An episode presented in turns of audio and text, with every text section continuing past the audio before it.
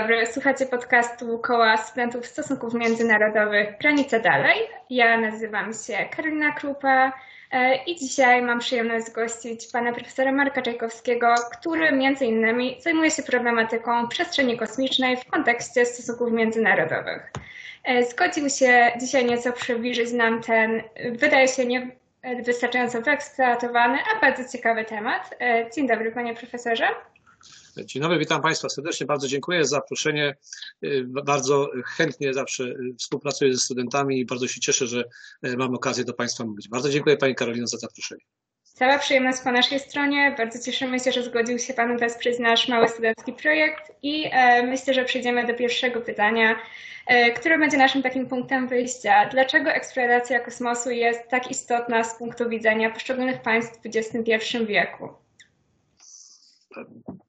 Jeśli pani pyta o państwa, to możemy odpowiadać na to dwojako, bo mówimy o państwa jako struktury, jako, jako państwa, które, czyli, czyli rządy, ministerstwa, Ministerstwa Obrony, Ministerstwa Gospodarki i tak dalej. One oczywiście tutaj mają swoje e, e, interesy e, w kosmosie, ponieważ dysponują systemami satelitarnymi, które wspierają ich działanie, czy to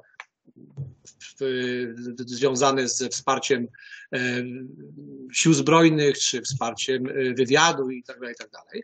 A jak mówię o państwie, no to też się nam narzuca społeczeństwo, prawda? Co my z tego mamy, co dla, to dla nas, takiego dla nas społeczeństwa poszczególnych państw, poszczególnych e, krajów świata i całej społeczności globalnej, jakie to ma znaczenie.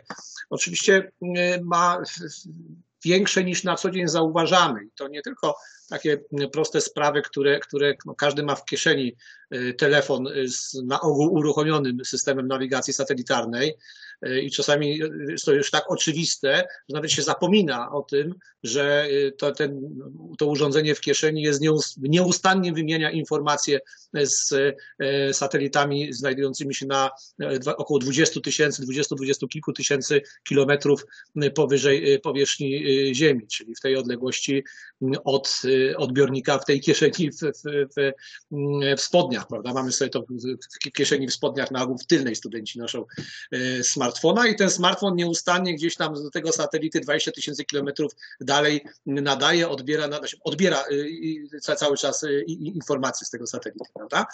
Ale oprócz tego jest bardzo wiele takich przyziemnych kwestii, poczynając od skuteczności prognoz pogody, te cyfrowe modele wszystkie, jak dostaje, dostajecie y, co, co rano informację, że y, w waszej miejscowości będzie taka, taka pogoda dzisiejszego, w dzisiejszym dniu, to nie jest dlatego, to nie, ta informacja nie pochodzi z Instytutu Meteorologii Gospodarki Wodnej, jak w dawnych czasach, tylko pochodzi z modelu cyfrowego, który jest zasilany informacjami systemów satelitarnych, niezwykle drobiazgowymi informacjami.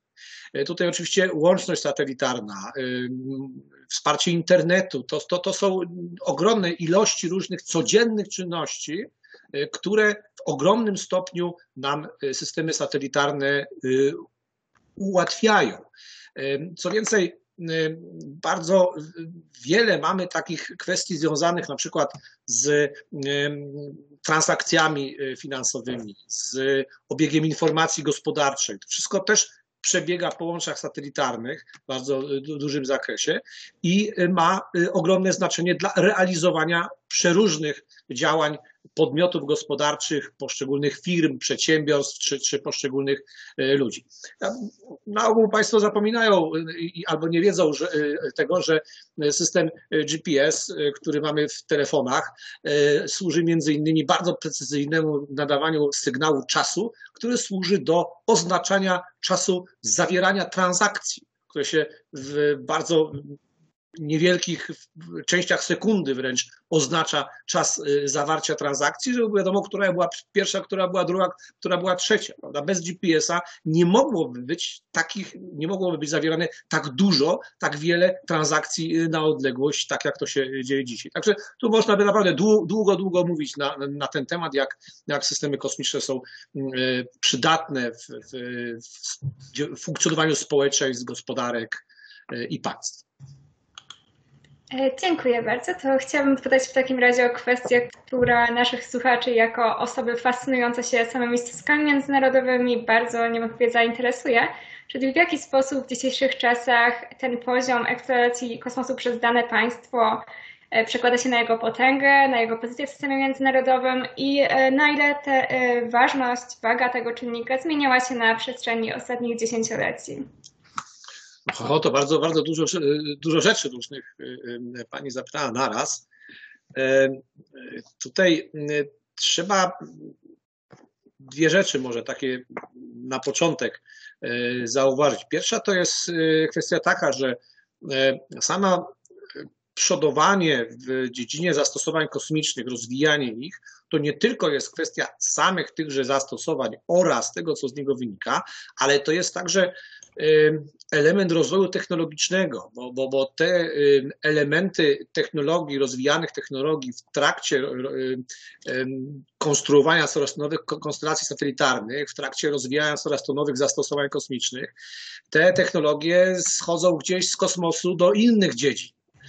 I to nie jest tak, że, że, że zastosowania kosmiczne są tylko same dla siebie, ale, ale one gdzieś tam potem funkcjonują, poszczególne technologie funkcjonują gdzieś, gdzieś y, dalej w gospodarce, czy, czy y, są przydatne dla państwa. Więc tutaj samo posiadanie zdolności do rozwijania tych technologii to jest rzecz pierwsza. Druga kwestia to jest posługiwanie się tymi technologiami, co już niekoniecznie jedna rzecz idzie w, w, z drugą w parze, ponieważ y, współcześnie technologie y, związane z systemami kosmicznymi są niezwykle łatwo dostępne. To prawda, pra, praktycznie każdy sobie może iść do sklepu i kupić własnego y, satelitę. No praktycznie każdy szanujący się uniwersytet na świecie, nie tylko w Europie, w, w Ameryce, czy, czy, ale także w krajach uznawanych jak, jak się to czasami używa takiego określenia, w krajach rozwijających się, szanujące się uniwersytety mają swoje własne satelity badawcze, bo to stosunkowo niewiele kosztuje zbudować takiego CubeSata na podstawie elementów, które się po prostu kupuje w sklepie, kupuje w internecie, zleca się integrację e, systemów jakiejś odpowiednio wyspecjalizowanej firmie, a potem się zleca wysłanie na orbitę e, o określonych parametrach znowu wyspecjalizowanej firmie prywatnej na ogół, która umieszcza tego satelitę na e, nosicielu chińskim, indyjskim, europejskim, prywatnym, amerykańskim, czy rosyjskim, czy jakimkolwiek innym. No i satelita uniwersytecki leci w, w kosmos i, i, i, nadaje, y, robi zdjęcia i bada, co tylko sobie uniwersytet chce. To są kwoty, kwoty rzędu kilkudziesięciu, kilkuset tysięcy dolarów, za które można już sobie taką, taką y, no nie tyle zabawkę, tylko użyteczne urządzenie y, zbudować. To tak naprawdę jest nawet dostępne dla prywatnego człowieka. Prywatny człowiek może sobie także coś takiego y, załatwić, prawda? Po prostu y, zlecić odpowiedniemu przedsiębiorstwu wybudowanie odpowiedniego CubeSata, który będzie na przykład miał kamerę, nadajnik i, i jeszcze parę innych urządzeń i wysłanie go w kosmos y, przy pomocy jakiegoś tam akurat, akurat dostępnego na rynku nosiciela z takiego czy innego państwa. Więc tutaj y, posługiwanie się, to, to, to, dostępność tej technologii to jest druga kwestia. To nie ma tak, że już teraz, że to główne państwa, główne mocarstwa mają te technologie kosmiczne i one nimi rządzą i one i, i te technologie służą mocarstwom i służą państwom, tylko te technologie służą obywatelom, ludziom, przedsiębiorstwom. Y, tutaj y, jak by popatrzeć e, na przykład na to, jak wygląda współcześnie tak zwany przemysł kosmiczny w jego strukturze dochodów, to mniej więcej jedna czwarta tak zwanego szeroko pojętego przemysłu kosmicznego to są wydatki rządowe i wydatki na na załogowe programy rządowe, a trzy czwarte przemysłu kosmicznego to jest przemysł komercyjny, to jest przemysł prywatny. To są usługi satelitarne, to są, to są stacje naziemne, czyli te wszystkie nadawcze, odbiorcze urządzenia naziemne, to są usługi startowe, to są usługi w postaci produkowania, budowania satelitów i to właśnie na, na po to, aby, aby, aby obywatele, przedsiębiorstwa mogły, mogły z tego korzystać. Ale efekt tego jest taki, bo można wrócić do państwa teraz, bo niekoniecznie w dzisiejszych czasach, niekoniecznie państwo musi być mocarstwem kosmicznym, zdolnym do własnego, rozwijania własnych technologii kosmicznych, własnych systemów satelitarnych, własnych systemów nośnych. Dziś państwo może korzystać z aplikacji satelitarnych bardzo zaawansowanych, nie posiadając ich, bo po prostu je można kupić na rynku. Najnormalniej w świecie. Można sobie, powiedzmy, jakby, jakby, jakby e, rząd polski na przykład potrzebował zdjęcia tego, co się dzieje w obwodzie kaliningradzkim, no po prostu kupuje sobie e, zdjęcia z firmy Planet Labs, które są no, pewnie gorsze niż zdjęcia, które, które, ma, e, które ma na biurku prezydent Stanów Zjednoczonych, ale wystarczające, żeby wiele informacji wywiadowczych uzyskać. Czyli proszę zobaczyć, że, że od państw, y, tych mocarstw, poprzez aplikacje mm, komercyjne dochodzimy do możliwości zastosowania tych aplikacji komercyjnych przez państwa w celach ich związanych z ich bezpieczeństwem czy z polityką zagraniczną, ale państwa, które nie są mocarstwami kosmicznymi, nie mają własnych przylądków Canaveral, czy, czy Bajkonurów, czy, czy innych wielkich instalacji, ale potrzebują sobie na przykład w tym tygodniu kupić informacje na temat tego, co się, co się dzieje w Kaliningradzie. I tutaj te satelity zobrazowania optycznego, radarowego y, w podczerwieni, które należą do, do firm prywatnych, Y, jest ich bardzo wiele i tych firm jest bardzo wiele i jakość tego już jest, produktów, y, które dostarczają te firmy jest na tyle duża, że że nie, jeden, nie, jeden, nie jedno państwo może z tego swobodnie korzystać. Dziękuję bardzo za odpowiedź. To troszkę nawiązując do tej wypowiedzi, chciałam dopytać, czy w kontekście właśnie wzrostu znaczenia przedsiębiorstw i innych inicjatyw prywatnych w ogóle określanie państwa jako tych głównych graczy, jeżeli chodzi o odkrywanie kosmosu, ma sens? I czy Pana zdaniem rola państw ulegnie marginalizacji na rzecz właśnie tych prywatnych inicjatyw, czy jednak utrzymają one mm, zasadniczą rolę, jeżeli chodzi o odkrywanie kosmosu? Marginalizacji to raczej nie, dlatego że e, jest pewna różnica między przedsiębiorstwem komercyjnym a państwem, a zasadnicza jest taka, że państwo nie musi zarabiać, a Elon Musk musi. Prawda? Bo, bo, bo inaczej jest to, jest to bez sensu. Więc państwo może i będzie, państwa będą tworzyły zręby nowych technologii czy nowych e, kierunków eksploracji, tam gdzie trzeba wydatkować pieniądze, Y, które się nie będą zwracać natychmiast, prawda? Y, to już, już ponad 10 lat, kiedy, kiedy, kiedy za czasów prezydentury Baracka Obamy Amerykanie zdecydowanie zmienili takie myślenia na temat tego, jaka jest rola NASA. Rola NASA nie jest już, nie polega już na tym, że, że, że ma za, zarządzać wszystkimi systemami y, kosmicznymi Stanów Zjednoczonych, tylko rola NASA polega na tym, że ma wyznaczać kierunki badawcze, wyznaczać kierunki rozwoju i na to idą pieniądze. Natomiast usługi wszelkie satelitarne, to wszystko, co jest na niskich orbitach, to wszystko, co jest dla ludzi bezpośrednio, dla bezpośredniego użytkowania prze, prze, przez ludzi czy przedsiębiorstwa, to już może być komercyjne. Więc rzecz polega na tym, że będziemy mieli dalej do czynienia z taką sytuacją, że państwa będą jednak y, wieść prym w takiej dalekiej eksploracji kosmosu, w tym, tym rozwijaniu mm, takich zupełnie nowych podejść, w, tym, w takich kierunkach, które nie są komercyjne i nie, nie dają się po prostu przeliczyć szybko na pieniądze.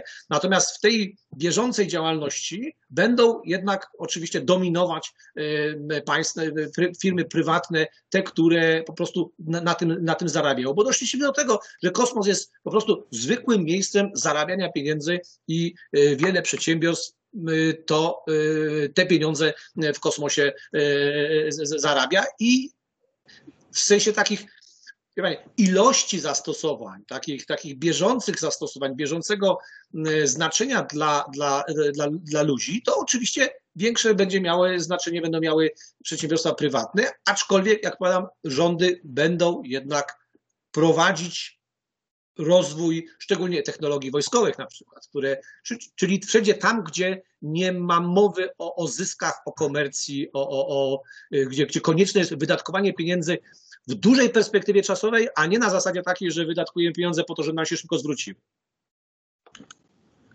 Zgadza się. I dotychczas mówiliśmy przede wszystkim o kosmosie jako o miejscu, które można eksplorować, o pewnej szansie, a teraz jednak chciałam zwrócić uwagę na trochę inny aspekt, że kosmos może też wiązać się z zagrożeniami.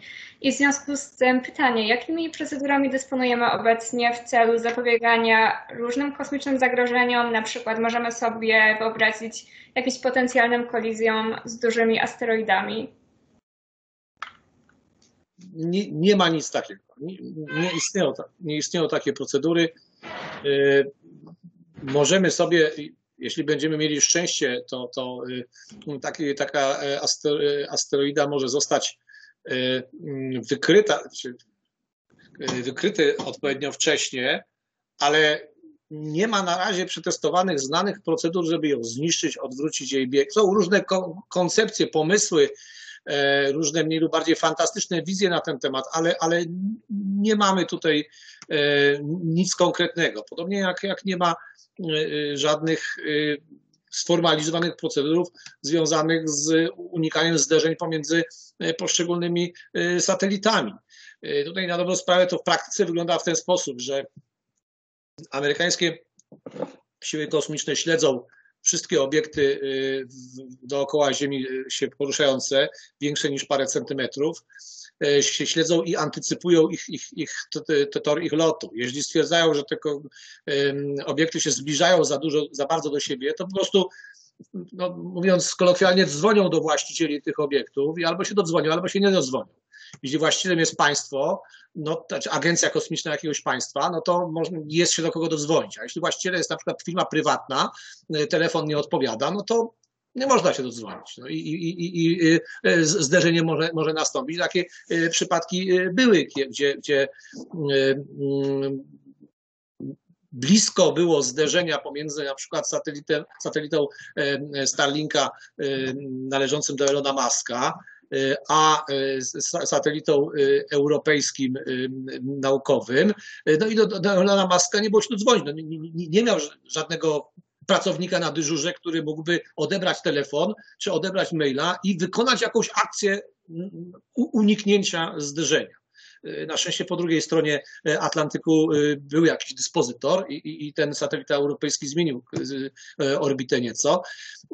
Prawdopodobnie i tak by do, do, kolizji nie doszło, bo to była kwestia taka, że obawiano się nadmiernego zbliżenia. Nadmierne zbliżenie nie musi automatycznie prowadzić do, do, do, do katastrofy. Niemniej jednak, niemniej jednak to pokazuje, że, że procedur tak naprawdę powszechnie funkcjonujących w tej chwili nie ma. Mm, to w takim razie, idąc dalej tą ścieżką e, pewnego ustalania przepisów prawnych czy procedur, czy Pana zdaniem w ogóle dysponujemy obecnie jakimikolwiek przepisami prawnymi, które odpowiadałyby wymaganiom, jakie stawiają e, obecnie podejmowane działania w kontekście odkrywania kosmosu? Czy mamy w ogóle e, w tym kontekście jakieś regulacje prawne? Y, prawo międzynarodowe jest w zakresie korzystania przestrzeni kosmicznej bardzo szczupłe e, i, i, i niewiele e, zawiera postanowień konkretnych. I one dotyczą, to jest w zasadzie jedynym takim istotnym aktem prawnym jest układ o przestrzeni kosmicznej z 1967 roku, plus kilka e, takich bardziej szczegółowych porozumień, które w tym samym czasie były zawarte. I on właściwie sprowadza się do uregulowania takich najbardziej podstawowych kwestii dotyczących y, tego y, wykorzystania kosmosu z punktu widzenia bezpieczeństwa, czyli nikt nie może zawłaszczać przestrzeni kosmicznej, nie, należy tej, nie można w tej przestrzeni kosmicznej umieszczać broni masowego rażenia i że państwo odpowiada za obiekty, które są zarejestrowane w danym państwie obiekty kosmiczne, czyli te, za które niejako bierze odpowiedzialność za to, co wystrzeli się z jego terytorium. I to jest w zasadzie jedyny w tym momencie realny y, przepis, który prowadzi do odpowiedzialności. Oczywiście y, tu są jeszcze kwestie i ubezpieczycieli, i, i, kwestie tego, w jaki sposób w poszczególnych państwach jest to regulowane. To są bardzo złożone kwestie, ale z punktu widzenia prawa międzynarodowego mamy tylko taki zapis, że państwo odpowiada za obiekt, który został na jego, z jego terytorium wysłany i jest zarejestrowany w tym państwie, a przez to państwo zarejestrowane w, w katalogu ONZ. I w zasadzie tyle. To jest bardzo niewiele na tym poziomie prawa międzynarodowego, bardzo niewiele, biorąc pod uwagę no jednak skalę problemu, narastającą skalę problemu i różnych, różnych zagrożeń z tym związanych. To też w nawiązaniu do tego, jakie najważniejsze wyzwania stoją przed prawem międzynarodowym właśnie w kontekście tego postępującego ciągle odkrywania kosmosu. Jakie są Pana zdaniem takie najważniejsze obszary, gdzie jednak te regulacje są konieczne? No to już właśnie o tym mówiliśmy, prawda? To, to wynika niejako z tego, o czym mówiliśmy. Jest, e, narasta ilość e, systemów kosmicznych, coraz więcej one zadań różnych wypełniają i jest problem e, uregulowania właśnie w świetle prawa międzynarodowego tego, w jaki sposób te zadania mogą wypełniać, bo proszę Państwa, tak, tak z własnego punktu widzenia, no jeżeli, jeżeli państwa mogą podglądać to przez satelity, to co ja robię na tarasie swoim przed domem, z taką bardzo dużą dokładnością, to jest jeszcze coś, co dla człowieka przeciętnego nie jest problemem. Ale w momencie, kiedy może to robić prywatna firma i sprzedać każdemu, kto zapłaci, to to już się pojawia w tym problem chociażby ochrony prywatności ludzi. Ochrony tego, co jest ich, ich no, domeną osobistą. To taki jeden z przykładów, ale można by te, te przykłady mnożyć. I tutaj niewątpliwie niezbędne są różnego rodzaju uregulowania. Natomiast nie ma specjalnie chociażby takie uregulowania dotyczące e, ruchu kosmicznego, prawda, zarządzania tym ruchem kosmicznym, zarządzania bezpieczeństwem na orbicie, żeby te satelity się nie zderzały ze sobą. Natomiast nie ma w tej chwili perspektywy, żeby, żeby e, coś takiego zostało wprowadzone. Są różne inicjatywy międzynarodowe różnego rodzaju, są, są nawet jakiś koncept e, teoretyczny jest, się, się pojawił space governance, prawda, czyli zarządzanie przestrzenią kosmiczną, które miałoby jakiś taki charakter międzynarodowy. Właściwie nie wiadomo, nie wiadomo, jak to miałoby wyglądać.